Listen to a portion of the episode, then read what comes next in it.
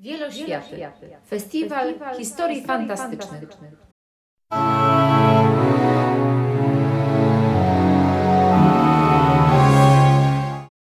Witam Państwa wszystkich serdecznie na Wieloświatach, na Festiwalu Historii Fantastycznych i na ostatnim spotkaniu autorskim y, z paną, panią Anną Kańtoch. Witamy Pani Anno. Dzień dobry. Witamy w Sopotece, w Sopocie. I może na sam początek opowiem kilka słów, słowem wstępu o Pani. Y, z wykształcenia jest Pani orientalistką, ukończyła Pani y, Uniwersytet Jagielloński y, i jest też Pani nagradzaną autorką. W tym otrzymała Pani nagrody imienia Zajdla, Żuławskiego i tak dalej, i tak dalej. Ale ja chciałam zacząć od tego, bo jest Pani autorką nie tylko fantastyki, ale również kryminałów, więc stykają się te dwa światy. Y, W którym świecie ma Pani więcej odbiorców? Zacznijmy tak brutalnie. No, obawiam się, że w świecie kryminałów jednak, to znaczy je, faktycznie jakby widać, że ta literatura kryminalna, ona ma, jest, ma jakby taki większy odbiór. Yy, Literatura fantastyczna, którą, którą naprawdę kocham, jest jednak taka dosyć skierowana, powiedziałabym, do, do wąskiej, do węższej grupy przynajmniej od czytelników niż literatura kryminalna. I czy to też było takim elementem wpływającym na to, że postanowiła Pani zacząć pisać kryminały? E, Nie, niekoniecznie. Znaczy, na pewno nie był to jakiś taki bardzo świadomy zamiar, który sobie gdzieś tam w którymś momencie uzmysł- uzmysłowiłam. Jeśli tak, to było to zupełnie podświadome, ale tak naprawdę ja mam wrażenie, że ba- bardziej zadziałało to, że dla mnie jednak kryminał był taką pierwszą miłością jeszcze przed fantastyką, ponieważ no kryminały ja czytałam, ja czytałam bardzo dużo kryminałów w dzieciństwie, w młodości, a dopiero potem odkryłam fantastykę w ogóle jako nastolatka, nawet nie wiedziałam, że istnieje coś takiego jak fantastyka i dowiedziałam się o tym na studiach, a wtedy zaczęłam czytać fantastykę, bardzo mi się spodobała, i dlatego jakby moje pierwsze próby pisarskie to była fantastyka, a później przez długi, długi czas właśnie byłam, byłam fantastyce i nadal zresztą jestem, ja się absolutnie jakby nie, to, to, to nie jest tak, że ja przeszłam do kryminałów, wbrew temu, co, co niektórzy mówią, ja cały czas jakby czuję się związana z fantastyką.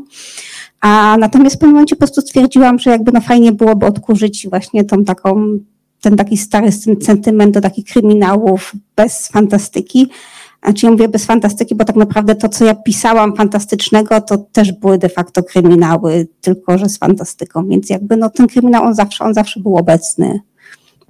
A nie ma Pani też takiego wrażenia, że trochę od tego słowa fantastyka po prostu się ucieka, bo traktuje się trochę jako taką łatkę, która ogranicza autora? Tak, oczywiście, że tak. Jeżeli coś jest bardzo dobre, to oczywiście przestaje być fantastyką. Na przykład książka obecnego tutaj Radka Raka, którą już część osób próbowała zabrać z fantastyki i ten, a potem taki człowiek pochyla się nad fantastyką i mówi, no ojej, ale no to taki gatunek czysto rozrywkowy, tam nie ma naprawdę ambitnych rzeczy. No fajnie, bo wszystkie naprawdę ambitne rzeczy już nam zabraliście, ponieważ uznaliście, że one nie są fantastyką, więc to jest takie, no Jako ym, kobieta autorka, w którym świecie Pani się łatwiej udało odnaleźć? W świecie kryminałów czy w świecie fantastyki? e, to znaczy, jeśli chodzi o samą literaturę, pisanie, czy w sensie, czy fanów, czy Mm, Chodzi mi tak Jakoś- bardziej o całokształt, o to właśnie, jak Pani jako autorka jest postrzegana, traktowana, może odbierana. To znaczy, no ja w tej chwili jestem odbierana już bardziej jako autorka kryminałów. To znaczy, w ogóle to było dosyć zabawne, ponieważ w momencie, kiedy ja napisałam ten pierwszy kryminał bez fantastyki, o to jest, to jest, właśnie, to jest właśnie ten, to jest ten kryminał, a to było to traktowane prawie tak, jakby to był debiut. To znaczy, bardzo dużo osób naprawdę w ogóle nie wiedziało, że ja wcześniej napisałam jakieś książki. A, i, I właśnie wręcz, wręcz, wręcz po prostu były w recenzjach się przewijały jakieś takie opinie, że, że no, dobry debiut albo, albo, coś w tym rodzaju. E, Jeżeli ktokolwiek pamiętał o tym, że miałam wcześniej jakieś fantastyczne książki, to na zasadzie, a była tam jakaś tam literatura fantastyczna, a tutaj dopiero jest y, literatura jakaś taka, no nie wiem, bardziej wypływająca na szersze wody, nie wiem, nie wiem nawet jak, jak to określić. A jeśli chodzi o sam proces pisania, czy on się różni, czy to jest jedno i to samo? Czy na przykład jeśli pisze Pani kryminał, to ma taką tablicę, gdzie tam łączy strzałkami wszystkie postaci, żeby się nie pogubić, a w przypadku na przykład pisania fantastyki rozrysowuje sobie Pani mapę światów. To znaczy, no tak, mapa, mi się, mapa się przydaje czasami w przypadku, zwłaszcza w przypadku fantastyki, aczkolwiek ja nie jestem jakoś specjalnie dobra w rysowaniu, więc te moje, moje mapy są bardzo, bardzo uproszczone, więc pamiętam, że jed, raz miałam taką mapę, gdzie która mi była potrzebna głównie do tego, żebym pamiętała, w którym, e, w którym kierunku, znaczy w którym miejscu według e, stron świata znajdują się różne dzielnice danego fantastycznego miasta, ale to było takie naprawdę bardzo, bardzo takie z grubsza i bardzo pobieżne, więc jakby no, ta mapa się absolutnie na przykład nie nadawała do tego, żeby zostać zamieszczona w książce, bo niektóre mapy są na tyle ładne, że znajdują się potem w książkach.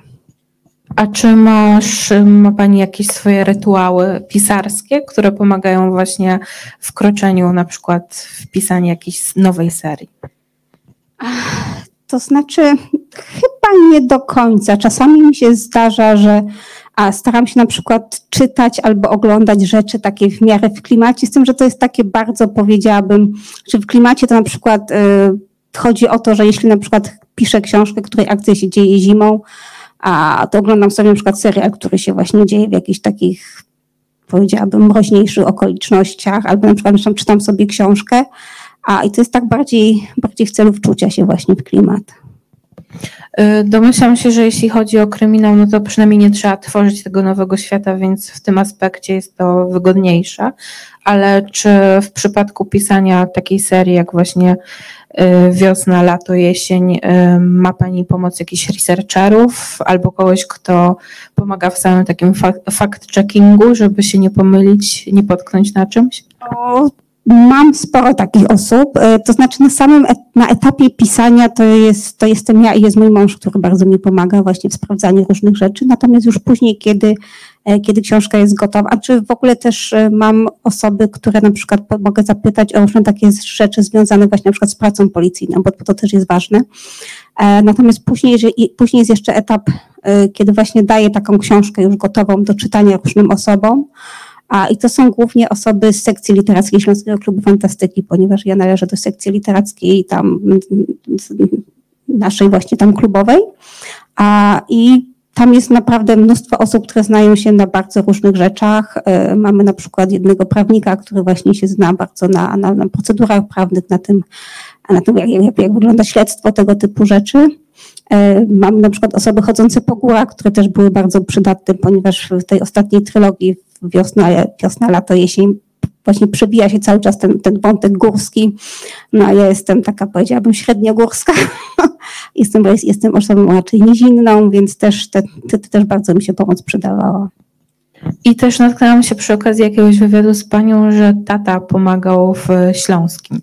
E, tak, ze Śląskim. Tak, e, to znaczy, a w przypadku wiosny zaginionych pomagał mi w ogóle kolega z klubu. W przypadku, w przypadku lata nikt, bo tam nie ma śląskiego, z tego co pamiętam. Natomiast w przypadku jesieni e, pomagał mi tata, więc to jest w ogóle zabawne, ponieważ te dwa, te dwa śląskie dialekty, języki mogą się różnić troszkę między sobą, ale to jest raczej normalne, w sensie jakby śląski, śląski ma to do siebie, że potrafi się właśnie różnić w zależności od, od dzielnicy, od rejonu. E, natomiast tak, pomaga mi właśnie mój tato, ponieważ no, ja jestem ze śląskiej rodziny, ale jestem taka, taka troszkę półśląska powiedziałabym. To znaczy moi dziadkowie mówili jeszcze po śląsku, no tato z nimi rozmawiał po śląsku, natomiast e, z moją mamą i z nami, czyli ze mną i z moją siostrą mówił już po polsku, więc jakby ja sporo rozumiem, jestem bardzo osłuchana z językiem śląskim, natomiast no sama bym się raczej nie, nie, nie podjęłabym się mówienia. A czy zależało Pani na tym, żeby przemycić trochę właśnie tej śląskości do całej serii, żeby to uwyp uwypuklić? E, tak, starałam się jak najbardziej, zwłaszcza chyba w tej trzeciej części wydaje mi się, że właśnie, że, że, że ta śląskość tam troszkę właśnie, zwłaszcza, że ta trzecia, e, trzecia część, ona się dzieje w ogóle w Szopienicach, głównie w Szopienicach, czyli jakby w dzielnicy, w której się w ogóle urodziłam i wychowałam a tam mamy w ogóle lata 60., czyli to jeszcze przed czasem moich, e, mojego urodzenia. Natomiast ja też też z lat 80., czy wtedy, kiedy ja dorastałam, też sporo takich właśnie a rzeczy pamiętam, niektórych fajniejszych, niektórych mniej fajnych, na przykład to właśnie tam animozje pomiędzy właśnie ludźmi z, z Szopieni, z Katowic, a, a ludźmi z Sosnowca, bo to też było, było dosyć wyraźne wtedy, wiadomo. E, tak jak wspominałam przed rozmową, ja e, urodziłam się w Katowicach, więc Katowice trochę kojarzę, ale kojarzą mi się głównie z wakacjami u babci, z zielenią i takim spokojnym klimatem i czystym powietrzem. A jeśli chodzi o e, serię, to tutaj mamy Katowice mroczne, Katowice jako tło zbrodni. Czy możesz trochę rozwinąć ten temat? Jak y, dotarłaś do takich klimatów w Katowicach? Czy chodziłaś i szukałaś jakichś miejsc, które cię mogły zainspirować? Znaczy ja myślę, że Katowice mają duży, może zbrodniczy potencjał, to chyba nie jest, nie wiem, czy to jest dobre określenie, chyba nie do końca, ale faktycznie one się, one się dobrze nadają na takie miejsce, ponieważ to jest no z jednej strony faktycznie tej zieleni tam jest całkiem sporo, wbrew temu, co, co, można by się, co mogłoby się wydawać. Na przykład ja mieszkam na Janowie, e, tam gdzie dzieje się zresztą pierwsza część, czyli Wiosna Zaginionych i tam naprawdę jest bardzo dużo takich terenów, gdzie po prostu dosłownie, dosłownie za, zaraz za osiedlem mamy, za, zaczyna się las, niezbyt wielki, ale zawsze las, gdzie właśnie można, nie wiem, ukryć zwłoki kogoś skrzywdzić, coś, coś mu zrobić. A z drugiej strony na przykład też jest sporo takich, powiedziałabym, terenów pokopalnianych, które no, one są bardzo specyficzne, to są takie stare, niszczące budynki, które teraz są powoli wyburzane na przykład. To też jest e, ciekawe, myślę, że to, co ja opisywałam właśnie we wiośnie, to już w tej chwili nie istnieje, bo to po prostu na przykład właśnie te takie budynki charakterystyczne, tak, obok których przechodzi główna bohaterka w pewnym momencie. A, ale to są, to są takie rzeczywiście takie ruiny, gdzie no, jest naprawdę bardzo specyficzny klimat, taki powiedziałabym właśnie kryminalno-postapokaliptyczny lekko.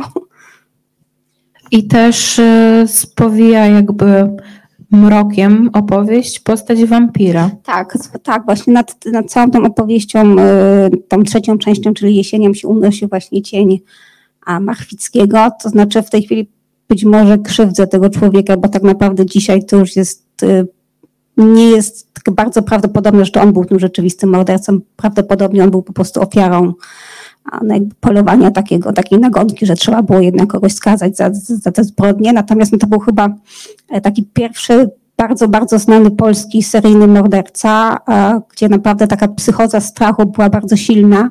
A ja tą całą atmosferę znam z opowieści rodziców, głównie właśnie mojej mamy, która mieszkała w Szopienicach, czyli no też właśnie, właśnie tam się tam, tam się też wychowała, e, na granicy z Zagłębiem i jakby no ona to wszystko pamiętała i później mi opowiadała, więc jakby ja troszkę dorastałam z taką, z taką właśnie pamięcią właśnie tych, tych, tych, tych wszystkich dni.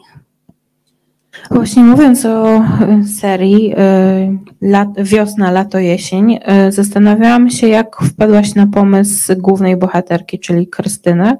Mm, no bo dla mnie, jako dla laika, jeśli chodzi o kryminały, to, to jest taka postać nie kojarząca się z kryminałami. Mi się kojarzy kryminał z postacią y, starego, zniszczonego życiem y, policjanta, alkoholika albo detektywa, który często ma jakieś właśnie problemy osobiste z kobietami, y, żyje nie swoją... dogaduje się z własnymi dziećmi. Tak, Dokładnie tak, żyje swoją traumą, jest mu ciężko i popija gdzieś tam. A tutaj mamy bohaterkę, która raczej nie jest osobą z problemem alkoholowym, jest kobietą, która może nie do końca ma jakieś wspaniałe relacje z własną córką, ale mhm. dogaduje się z własną wnuczką. No i właśnie jest kobietą. Więc jak wpadłaś na ten pomysł, żeby osadzić ją w głównej roli? Znaczy na początku to w ogóle miał być mężczyzna. Ja na początku myślałam tak bardziej właśnie stereotypowo, bo od początku wiedziałam, że to będzie właśnie trylogia, na początku to miało być właśnie facet i w ogóle miało się zaczynać od czasów jego młodości. A i miało to wyglądać tak, że na początku on będzie takim właśnie takim trochę idealistą, który tam właśnie przychodzi do tej pracy w milicji jeszcze wtedy, no bo to to miało jakby pokazywać całe jego życie, a później jakby stopniowo traci te złudzenia. Natomiast w pewnym momencie stwierdziłam, że fajnie byłoby to jakby opowiedzieć historię od, od drugiego końca, czyli właśnie od, od czasu, kiedy już ten główny bohater wtedy jeszcze a jest na emeryturze natomiast w pewnym momencie stwierdziłam, że byłoby fajnie po prostu, gdyby to jednak była kobieta. Wydaje mi się, że, no, że jednak ze względów oczywistych być może lepiej takie postacie, postacie wyczułam. Poza tym, poza tym też, też to jest chyba trochę bardziej oryginalne. Nie, nie, nie aż tak bardzo oryginalne, bo to nie jest tak, że, a, że w literaturze kryminalnej nie ma kobiet w ogóle, bo są jak najbardziej, a coraz więcej ich jest zdecydowanie. Natomiast Nawet, nawet są starsze panie, natomiast mam wrażenie, że starsze panie, one się pojawiają bardzo w takich kryminałach komediowych.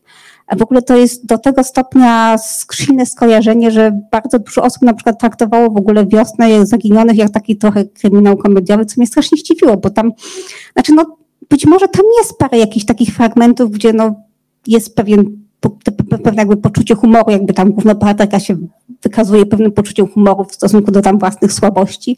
Natomiast nie, nigdy nie myślałam o tym jako o, czymś, o czymś właśnie komediowym, ale mam wrażenie, że to było właśnie trochę takie skojarzenie, że skoro, że skoro bohaterka jest emerytką, no to prawdopodobnie mamy do, do, do czynienia właśnie z jakąś taką dziarską, komediową staruszką, a to nie do końca o to mi chodziło. I właśnie też chciałam uniknąć z jednej strony tego takiego stereotypu, stereotypu tej takiej dziarskiej staruszki, która tam właśnie, a, nie wiem, potrafi przyłożyć komuś torebką i tak dalej. A z drugiej strony też nie chciałam popadać w stereotyp takiej pani, która siedzi tylko na fotelu i na przykład tak jak panna Marple w książkach Agaty Christie, tylko na przykład rozwiązuje te zagadki kryminalne gdzieś tam, nie ruszając się w ogóle z domu i dziergając sobie sweterek dla wnuczka. Znaczy ja chciałam, żeby to była w miarę wiarygodna postać. To znaczy z jednej strony jest to kobieta, która no, ona, ona działa, ona sporo robi, bo jest to osoba przyzwyczajona do działania po prostu, no wiadomo, jakby po tych latach pracy, najpierw w milicji, potem w policji, a jest to osoba, która no, jest przyzwyczajona do tego, że kiedy coś się dzieje, to ona po prostu bierze sprawy w swoje ręce i próbuje jakoś tam działać. A natomiast z drugiej strony jakby no też jest to już osoba w pewnym wieku, która jakby no ma różne jakieś tam dolegliwości i jakby no niekoniecznie już nie jest już taka sprawna jak dawniej. No właśnie, a czy problemem w samym tworzeniu i jakby spięciu tej historii było to, że chronologia została odwrócona? To znaczy, myślę, że to był, problem był dokładnie taki sam, chyba jakbym pisała w drugą stronę. To znaczy, gdybym po prostu zaczęła od, od młodości głównej bohaterki, no to jakby cały czas problemem, problemem byłoby to, że jakby no trzeba te książki po prostu ze sobą powiązać, że jeżeli w pierwszej części się tam wspomniało o tym, że, no, że nie wiem, że w dzieciństwie coś tam robiła, a później, to później nie mogę napisać, że w dzieciństwie robiła coś innego. Natomiast tutaj, tu, tu, tutaj jest dokładnie to samo, tylko po prostu w drugą stronę, ponieważ, y, nie wiem, na przykład w, w pierwszej części, a Krystyna wspomina, że urodziła się i wychowała w Sosnowcu. W ogóle ten Sosnowiec tak troszkę wymyśliłam, tak nie zastanawiając się za bardzo nad konsekwencjami, no ale później już ten Sosnowiec był, więc, no więc on się znalazł jednak w tej trzeciej części, gdzie Krystyna jest młoda. A mówiąc o Sosnowcu, y, jak, może nie tylko o Sosnowcu i nie tylko o Katowicach, ale jak sama przestrzeń, w której toczy się fabuła, wpływa na kształt książki?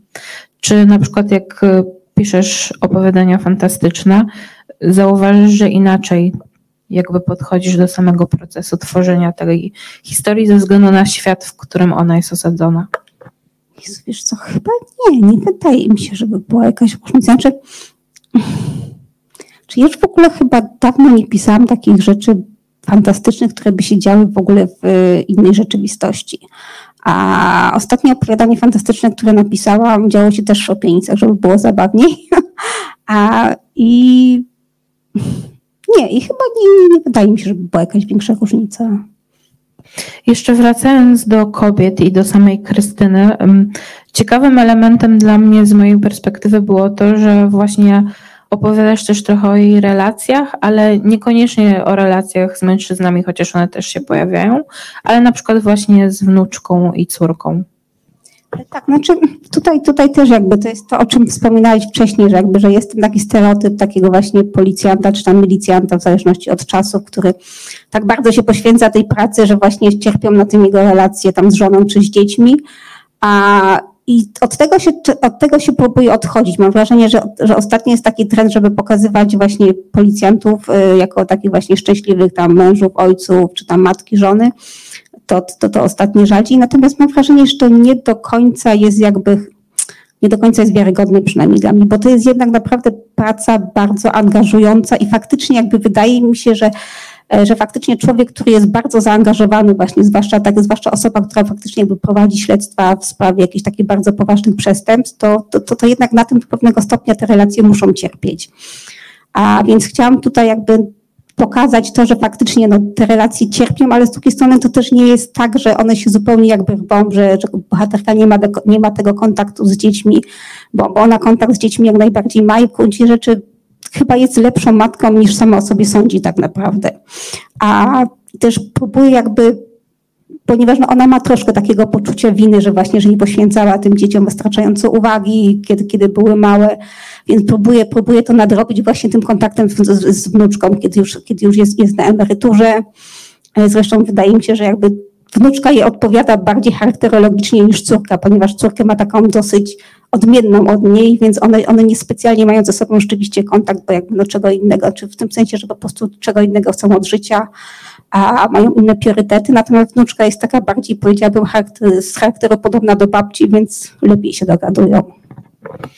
Ale y, cała trylogia to też jest opowieść o traumie, o żałobie, w pewnym sensie, o tym, jak takie niedomknięte sprawy mogą nas wyniszczać. No bo tutaj myślę, że niczego nie zdradzę, mówiąc, że jedną z głównych zagadek jest to, że kiedy Krystyna była młodą kobietą, w górach zaginął jej brat. I nie wiadomo, co się z nim stało. I tak naprawdę całe jej życie, może nie w 100%, ale w, w dużej części jest poświęcone temu, żeby tą zagadkę rozwikłać. Tak, dokładnie tak. To znaczy, kiedy Krystyna była, była nastolatką w ogóle, jeszcze, jeszcze była w liceum, a jej brat z przyjaciółmi pojechał e, w Tatry. No i tam się wydarzyła tragedia, to znaczy tragedia polegała na tym, że Boże, mylą mi się liczby, trzy osoby zginęły. nie pamiętam. Jedna wróciła? Jedna wróciła i jedna zniknęła. No i tą, która, która zniknęła, to był właśnie brat głównej bohaterki. A natomiast ta, która wróciła, no to powiedzmy, że podała jakąś wersję wydarzeń, co się tam właściwie stało, ale ona nie była tak do końca wiarygodna. To znaczy ani, ani Krystyna nie była przekonana do tej wersji wydarzeń, ani inni ludzie nie byli jakoś specjalnie przekonani do tej wersji wydarzeń, więc jakby cały czas, cały czas Krystyna próbuje się dowiedzieć, no po pierwsze, co, co, co, co tam się w ogóle stało? Znaczy, gdzie, czy, czy jej brat żyje, czy, czy nie żyje? To jest taki rodzaj no, takiej, takiej żałoby, która nas, która z jednej strony jest pomieszana do pewnego stopnia, przynajmniej do pewnego momentu z nadzieją, że no, ta osoba jednak się odnajdzie cała i zdrowa, jakoś wytłumaczy to, że zniknęła na tyle lat, a z drugiej strony jakby taką świadomością, że faktycznie ta osoba prawdopodobnie już po prostu nie żyje. Albo, albo jeżeli żyje, to, to wybrała jakby życie zupełnie, zupełnie gdzie indziej i nigdy nie wróci. Mówisz o nadziei, ale czy to jest właśnie taka nadzieja toksyczna? Co, wydaje mi się, że od pewnego momentu już tak. To znaczy na początku jakby, na początku to jest zupełnie naturalne, że jakby no, że człowiek się spodziewa w takiej sytuacji, że wszystko się skończy dobrze, że jakby to, ta osoba zostanie znaleziona i będzie, i, i będzie w porządku.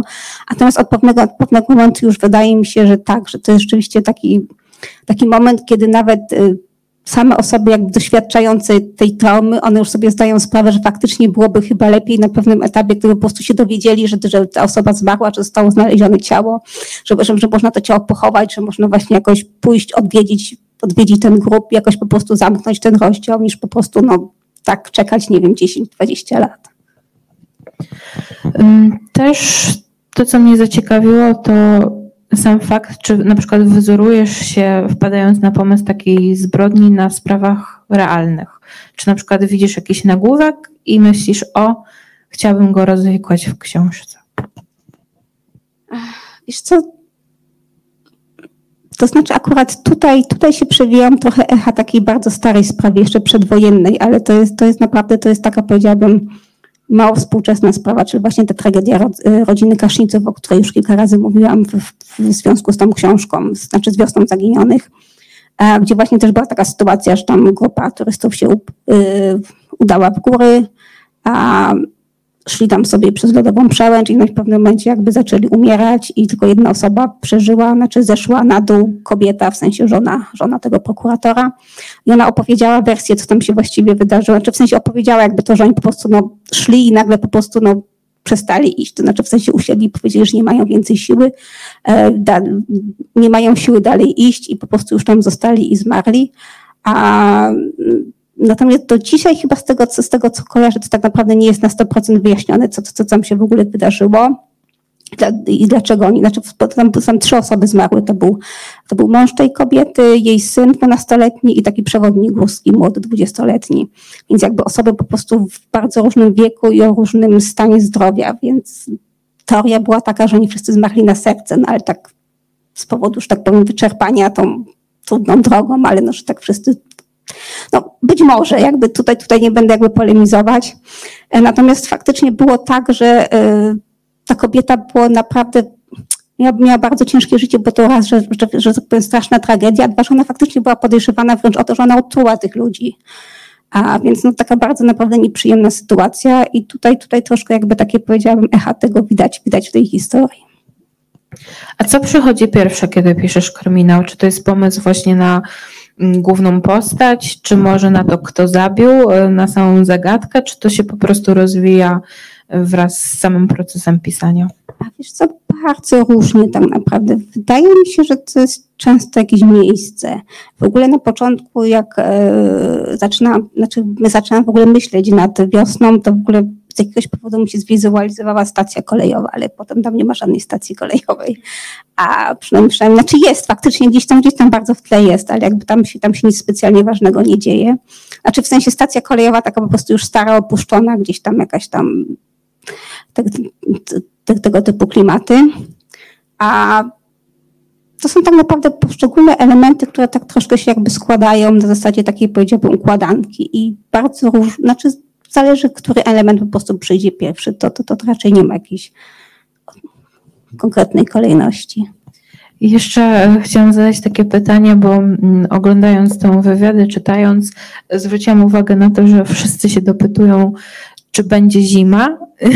I w jednym z wywiadów powiedziałeś, że to jest trylogia świata e, globalnego ocieplenia, więc zimy raczej nie będzie na 90%. Ale czy może zmieniło się coś w tej kwestii? Nie, nie wiem. Znaczy, biorąc pod uwagę, że marginesy myślały nad hasłem reklamowym Anna Kańtow odwołuje zimę, to, to chyba nie powinna. Znaczy, to nie jest tak, że ja całkiem, całkiem na 100% wykluczam tą zimę. Być może jakaś tam, być może jakaś tam zima kiedyś będzie.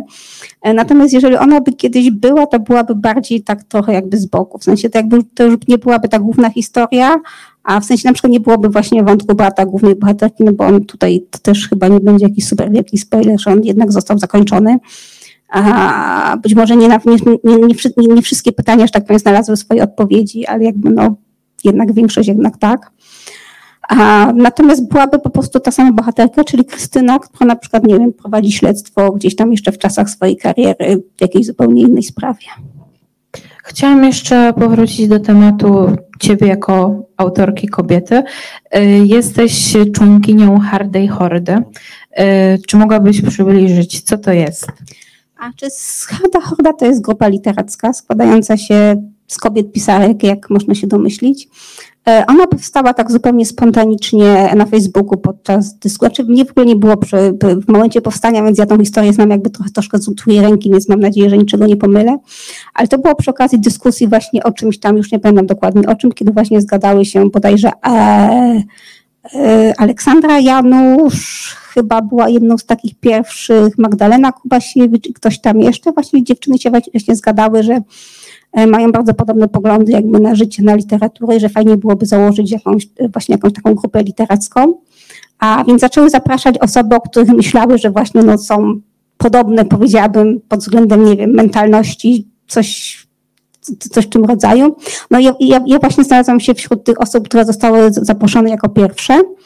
A na początku było nas 10, 10, nie pamiętam dokładnie, a 10, 11, 12, bo na pewno, na pewno jako ostatnia przybyła Krystyna Chodorowska, e, czyli 13 osoba. W tej chwili mamy 13 osób, czyli taka specyficzna liczba, powiedziałabym. E, na początku chyba było 10. Na początku wydaje mi się, że było 10, później właśnie przybyły kolejne dziewczyny, dziewczyny, kobiety. E, I to jest grupa, której która jakby ma za zadanie wspierać się w takich właśnie sprawach ogólnoliterackich. Mamy jakby takie swoją, e, swoje wewnętrzne miejsce spotkań na Facebooku, gdzie sobie dyskutujemy o różnych rzeczach, e, nie tylko, że tak powiem, około wydawniczych, ale też życiowych, e, bo robimy też razem różne projekty. Na przykład wydałyśmy już dwie antologie nasze. Pierwsza się nazywała po prostu Horda, a, i były to, by, były to nasze opowiadania, druga to były harde baśnie, to też były nasze opowiadania, a, ale tym razem jakby będące no, nawiązaniami, jakimiś tam adaptacjami znanych baśni i legend, a polecam jak coś obie. wydaje mi się, że naprawdę tam są, tam, tam są bardzo fajne teksty. A w tej chwili się szykuje trzeci projekt. Nie wiem, na ile mogę o nim, mogę o nim cokolwiek powiedzieć, ale mogę powiedzieć, że, że będzie. Czyli wspieracie się po prostu jako autorki. Tak. Mm, a masz wrażenie, że tobie jako autorce było ciężej się przebić może ze względu na płeć w świecie w ogóle literatury? Czy na przykład widzisz jakąś różnicę między światem fantastyki a światem kryminału? A Wiesz co, wydaje mi się, że ja nie miałam, jakby ja tego jakoś tak nie odczuwałam, ale to może być na przykład, y, to może być kwestia tego, że ja zawsze pisałam fantazję, a fantazja jest, traktowana jako taka trochę bardziej kobieca, bardziej kobieca właśnie odmiana fantastyki, natomiast wydaje mi się, że więcej problemów mają autorki piszące science fiction, bo nie wiem, na przykład jest Martyna Raduchowska, która pisze, e, pisze cyberpunk i bardzo często w recenzjach jej książek na przykład pojawia się taka, no, nie wiem, opinia, że niezła jak, nie, nie, jak na kobietę, czyli no z jednej strony taki, no powiedziałabym, ktoś próbuje powiedzieć coś, coś miłego, a z drugiej strony niespecjalnie, nie. Więc... A nie masz wrażenia, że w ogóle w fantastyce, w literaturze ciężko się przebić? Bo właśnie tak jak już mówiłaś, że jeżeli coś jest bardzo dobre, to nagle przestaje być fantastyką. Oprócz tego mamy jakiś taki kanon typu, nie wiem, Władca Pierścień, Gra o Tron, czy coś tam, które wszyscy uznają, a reszta jest tak jakby spychana zupełnie na bok.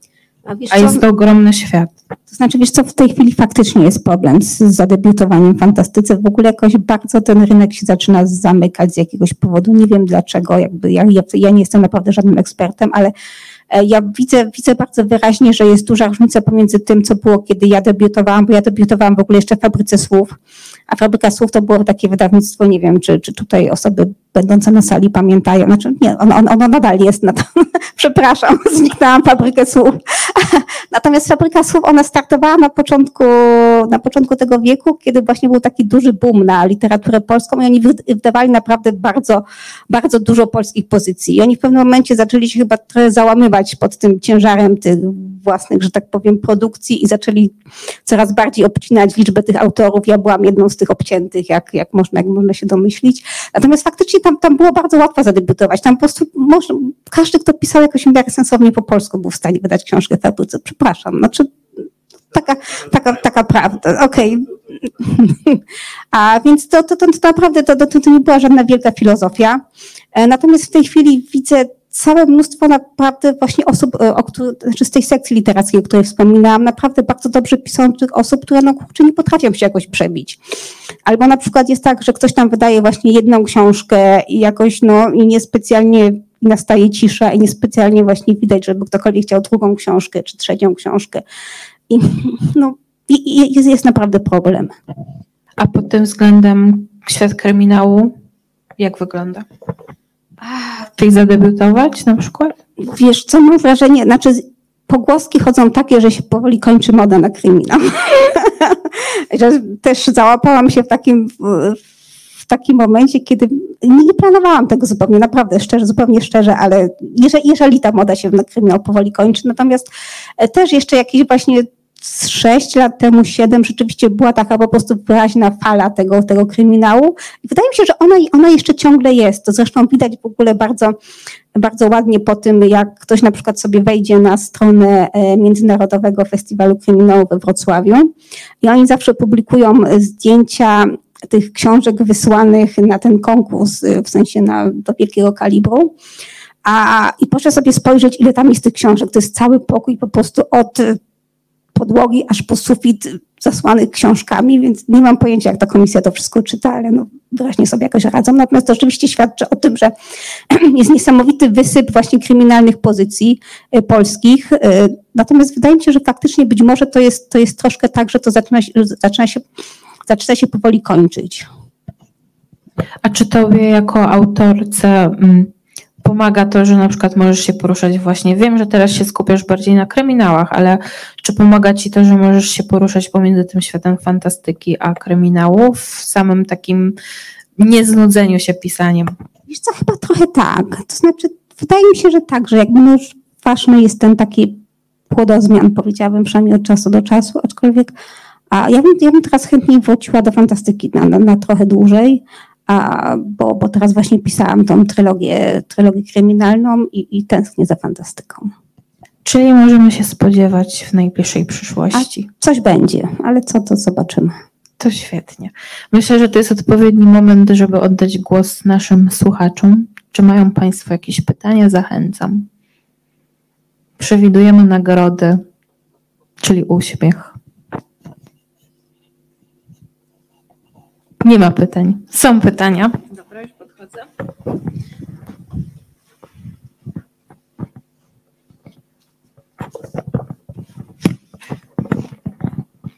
Y, Skąd się wziął pomysł na napisanie książki Tajemnica Diabelskiego Kręgu? Wiesz, W sensie, bo to jakby jedyna trylogia, którą czytałam, więc A to znaczy, wiesz, co chyba z różnych rzeczy tak naprawdę. Trochę z tego, że właśnie przyszedł e, na naszą sekcję literacką taki chłopak, który próbował napisać powieść młodzieżową, a i znudził się po pierwszym rozdziale i ja stwierdziłam, ja stwierdziłam, że w sumie bym też chciała spróbować. Trochę z tego, że e, że kiedy ja, ja sama byłam w wieku głównej bohaterki, czyli miałam jakieś tam, znaczy głównej bohaterki tej trylogii, czyli miałam jakieś tam 13-14 lat, a to bardzo lubiłam książki przygodowe, ale brakowało mi w nich postaci właśnie takich y, dziewczęcych, znaczy, żeby po prostu dziewczynka nie była jakimś tam taką Hermioną, która po prostu tylko tam pomaga głównemu bohaterowi, ale żeby była po prostu główną bohaterką, a która sama te wszystkie przygody przeżywa i, i na tym mi bardzo zależało, więc jakby chciałam, chciałam, chciałam, chciałam taką książkę stworzyć. A trochę z sentymentu do właśnie literatury takiej, y, takiej którą sama czytałam, w, będąc, będąc młodszą nastolatką. Chyba tyle. Tak. Pytania?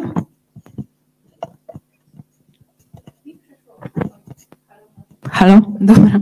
Mi przyszło do głowy jeszcze jedno pytanie, y, bo pytałam Cię o bohaterki kryminałów i właśnie te takie standardowe, sztandarowe postaci, ale jak widzisz to na przykład w fantastyce, czy uważasz, że też są braki kobiecych postaci? Wiesz co, wydaje mi się, że w tej chwili już jest coraz lepiej. Znaczy, no, kiedyś, na, kiedyś na pewno, na, na pewno z tych bohaterek było bardzo mało i one były takie bardzo stereotypowe. Zresztą to wystarczy popatrzeć na to, kto pisał jakby fantastykę. A do w latach 80., 90., znaczy w ten pierwszy, że tak powiem, okres polskiej fantastyki, no to byli, nie wiem, czy tam w ogóle jakakolwiek kobieta pisała, pisała cokolwiek, więc jakby wiadomo, że zresztą nawet, no, nie oszukujmy się, w książkach Stanisława Lema tak naprawdę postaci są kobiece, są no takie, takie sobie, no. Nie, nie było to jako jego bardzo mocną stroną, a, natomiast później zaczęły, za- zaczęły wchodzić panie, no jako pierwszą Ewa Białołęcka, Maja Kosakowska, Anna Brzezińska i jakby no tutaj się już zaczyna wyraźnie, że tak powiem, poprawiać pod tym względem. Teraz, teraz tych autorek mamy, mamy, mamy zdecydowanie więcej, więc wydaje mi się, że, że jest całkiem nieźle. Może, może jeszcze nie idealnie, ale całkiem nieźle. Czyli optymistycznie patrzymy w przyszłość. Nie wiem, czy doczekamy zimy, ale czekamy na pewno na kolejne fantastyczne historie. Także dziękuję ogromnie za przybycie dzisiaj do Sopotu, do Sopoteki i dziękuję wszystkim za Dziękuję udział w bardzo. spotkaniu.